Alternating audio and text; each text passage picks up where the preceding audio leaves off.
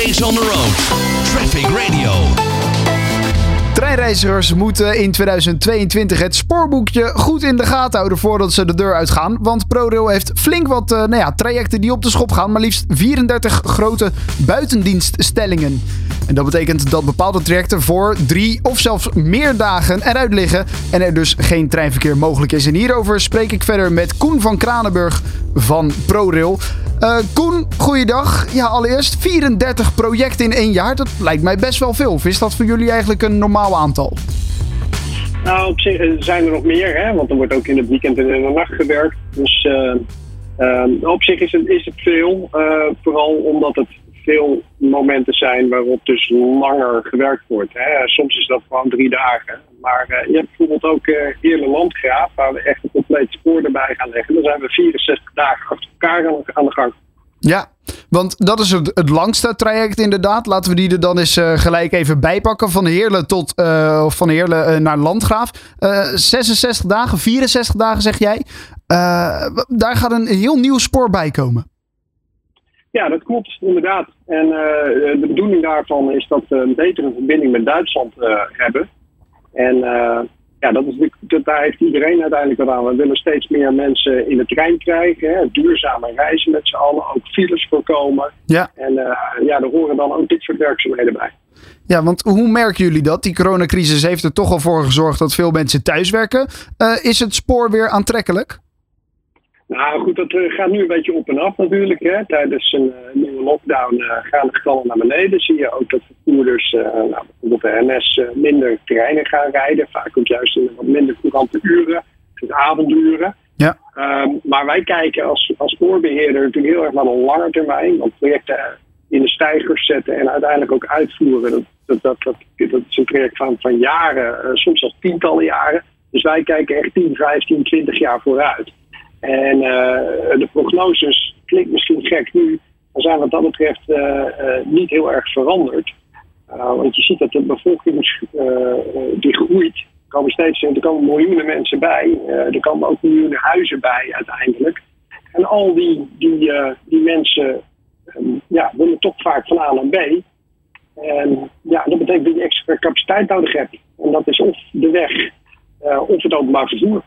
Ja, en jullie prognose is dus dat het openbaar vervoer en de trein daarin een populaire rol gaat spelen. Ja, we verwachten een, uh, een reizigersgroei van 30 tot 40 procent in de komende 15 tot 20 jaar. Ja, nou daar moet het spoor dan dus klaar voor zijn. Eh, daar zijn jullie nu dus al mee bezig om, nou ja, in ieder geval de trajecten in 2022, die, die worden aangepast. Er komt een nieuw spoor bij bij Heerlen. Wat zijn andere aanpassingen die jullie, uh, die jullie plegen? Is dat ook bijvoorbeeld veel restauratie? Klopt. En wat je ziet is, doordat je meer treinen gaat rijden, en dat doen we nu ook al, maar zie je ook dat de belasting van het spoor dus enorm toeneemt. Dat betekent dus enerzijds dat je heel veel werk moet doen om te zorgen dat er meer treinen kunnen gaan rijden. En als er dan op trajecten meer treinen rijden, ja, dat betekent dat vaak ook meer onderhoud, intensiever onderhoud. Um, dus dat kom je ook tegen. Een mooi voorbeeld daarvan, een mooi voorbeeld, een voorbeeld daarvan uh, is bijvoorbeeld lijn tussen Amsterdam, Utrecht en Eindhoven. En die loopt dan uiteindelijk weer door naar Venlo.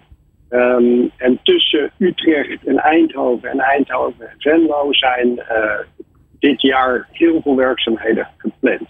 Ja. Um, uh, een van de plekken waar uh, je ziet dat toenemend treinverkeer invloed heeft, komt Culemborg. En in Culemborg heb je last van slappe bodem, grond, veengrond, die ver, kan verzakken. Mhm. Als je meer treinen gaat rijden, soms ook zwaardere terreinen, en die treinen moeten steeds harder rijden omdat we meer uh, treinen willen laten rijden, heb je ook vaak, moeten ze vaak ook sneller gaan rijden.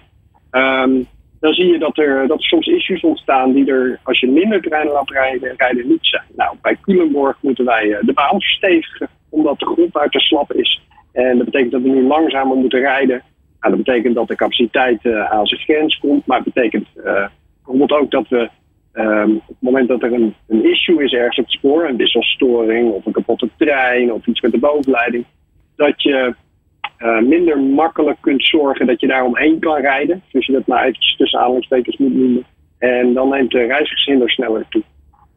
Juist, en dat zorgt dus in de, in de toekomst voor een, uh, nou ja, een betere doorstroom uh, van alle treinen. en dat, het, dat maakt het natuurlijk ook allemaal nog populairder. Ehm, kijken jullie ook in de toekomst naar uh, uitstoot CO2 en allerlei van dat soort dingen waar nou ja, de Europese Unie toch ook afspraken over heeft gemaakt, waar Nederland zelf afspraken over heeft gemaakt? Daar moeten jullie ook mee bezig zijn, denk ik. Ja, ja, ja, ja. enerzijds met het rijden van treinen. Die rijden in Nederland al volledig op, op windenergie. Ja, we hebben contracten over afgesloten samen met de NS in, in, dit geval. Um, maar dan heb je het dus echt over de bovenleidingsspanning, zeg maar. Ja. Um, onze eigen uh, gebouwen, um, wissels, um, nou, noem het allemaal maar op, wat wij in, in beheer hebben. daar proberen we energie-neutraal in te worden. Dat hopen we in 2030 te halen, dat is een enorme ambitie. Ja. daar, daar zijn, daarvoor zijn we bezig met uh, heel veel uh, projecten om meer zonnepanelen aan te leggen op heel veel plekken windenergie wordt voorzichtig naar gekeken ook. Um, en allerlei andere innovaties. Um, en dan is uh, de derde tak, waar we natuurlijk heel erg druk mee zijn. Eigenlijk, eigenlijk zijn we nog meer hoor, maar is um, hoe zorg je dat als je inderdaad werkzaamheden verricht, dat zo CO2-neutraal en materiaal-neutraal, dus circulariteit heb ik dan over, kunnen doen. Dus je kunt veel spullen hergebruiken kun je andere type beton gebruiken of moet je soms misschien toch over terug op hout gaan uh, in bepaalde gevallen. Uh, welk materieel gebruik je? Uh, gebruik je bussen of, of um, materiaal dat op, de, op het spoor zelf rijdt, die bijvoorbeeld elektrisch zijn in plaats van diesel gestuurd?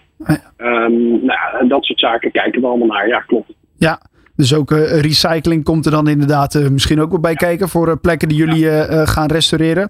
Nou goed, 2000. Ja, kan ik een mooi voorbeeld van geven. Ja. we gaan in, dit jaar in Zeeland aan het werk um, en in West-Brabant. En daar gaan wij spullen gebruiken die we op andere plekken in het land waar heel veel treinen rijden eigenlijk niet meer kunnen gebruiken, omdat ze daar um, niet meer voor voldoen.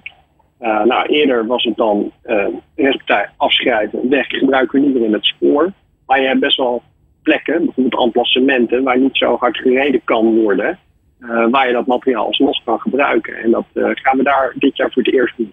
Kijk, nou, dat is dan ook een, uh, een mooi nieuw iets voor jullie uh, voor dit jaar. voor de reiziger dus wel veel plekken waar gewerkt gaat worden en waar dus even nou ja, de aandacht op gevestigd moet worden. Is dat uiteindelijk inderdaad gewoon het spoorboekje, de, NS, de NS-app erbij pakken en nou ja, voordat je deur uit gaat even checken of je trein rijdt? Nou ja, kijk, um, dat is tot op zes weken van tevoren goed te plannen. Okay. Uh, dus uh, in, de, in de, de reisplanner staat vanaf zes weken van tevoren wat er allemaal aan werkzaamheden is. Daarvoor niet. Uh, je kan wel ook bij ons op de website kijken.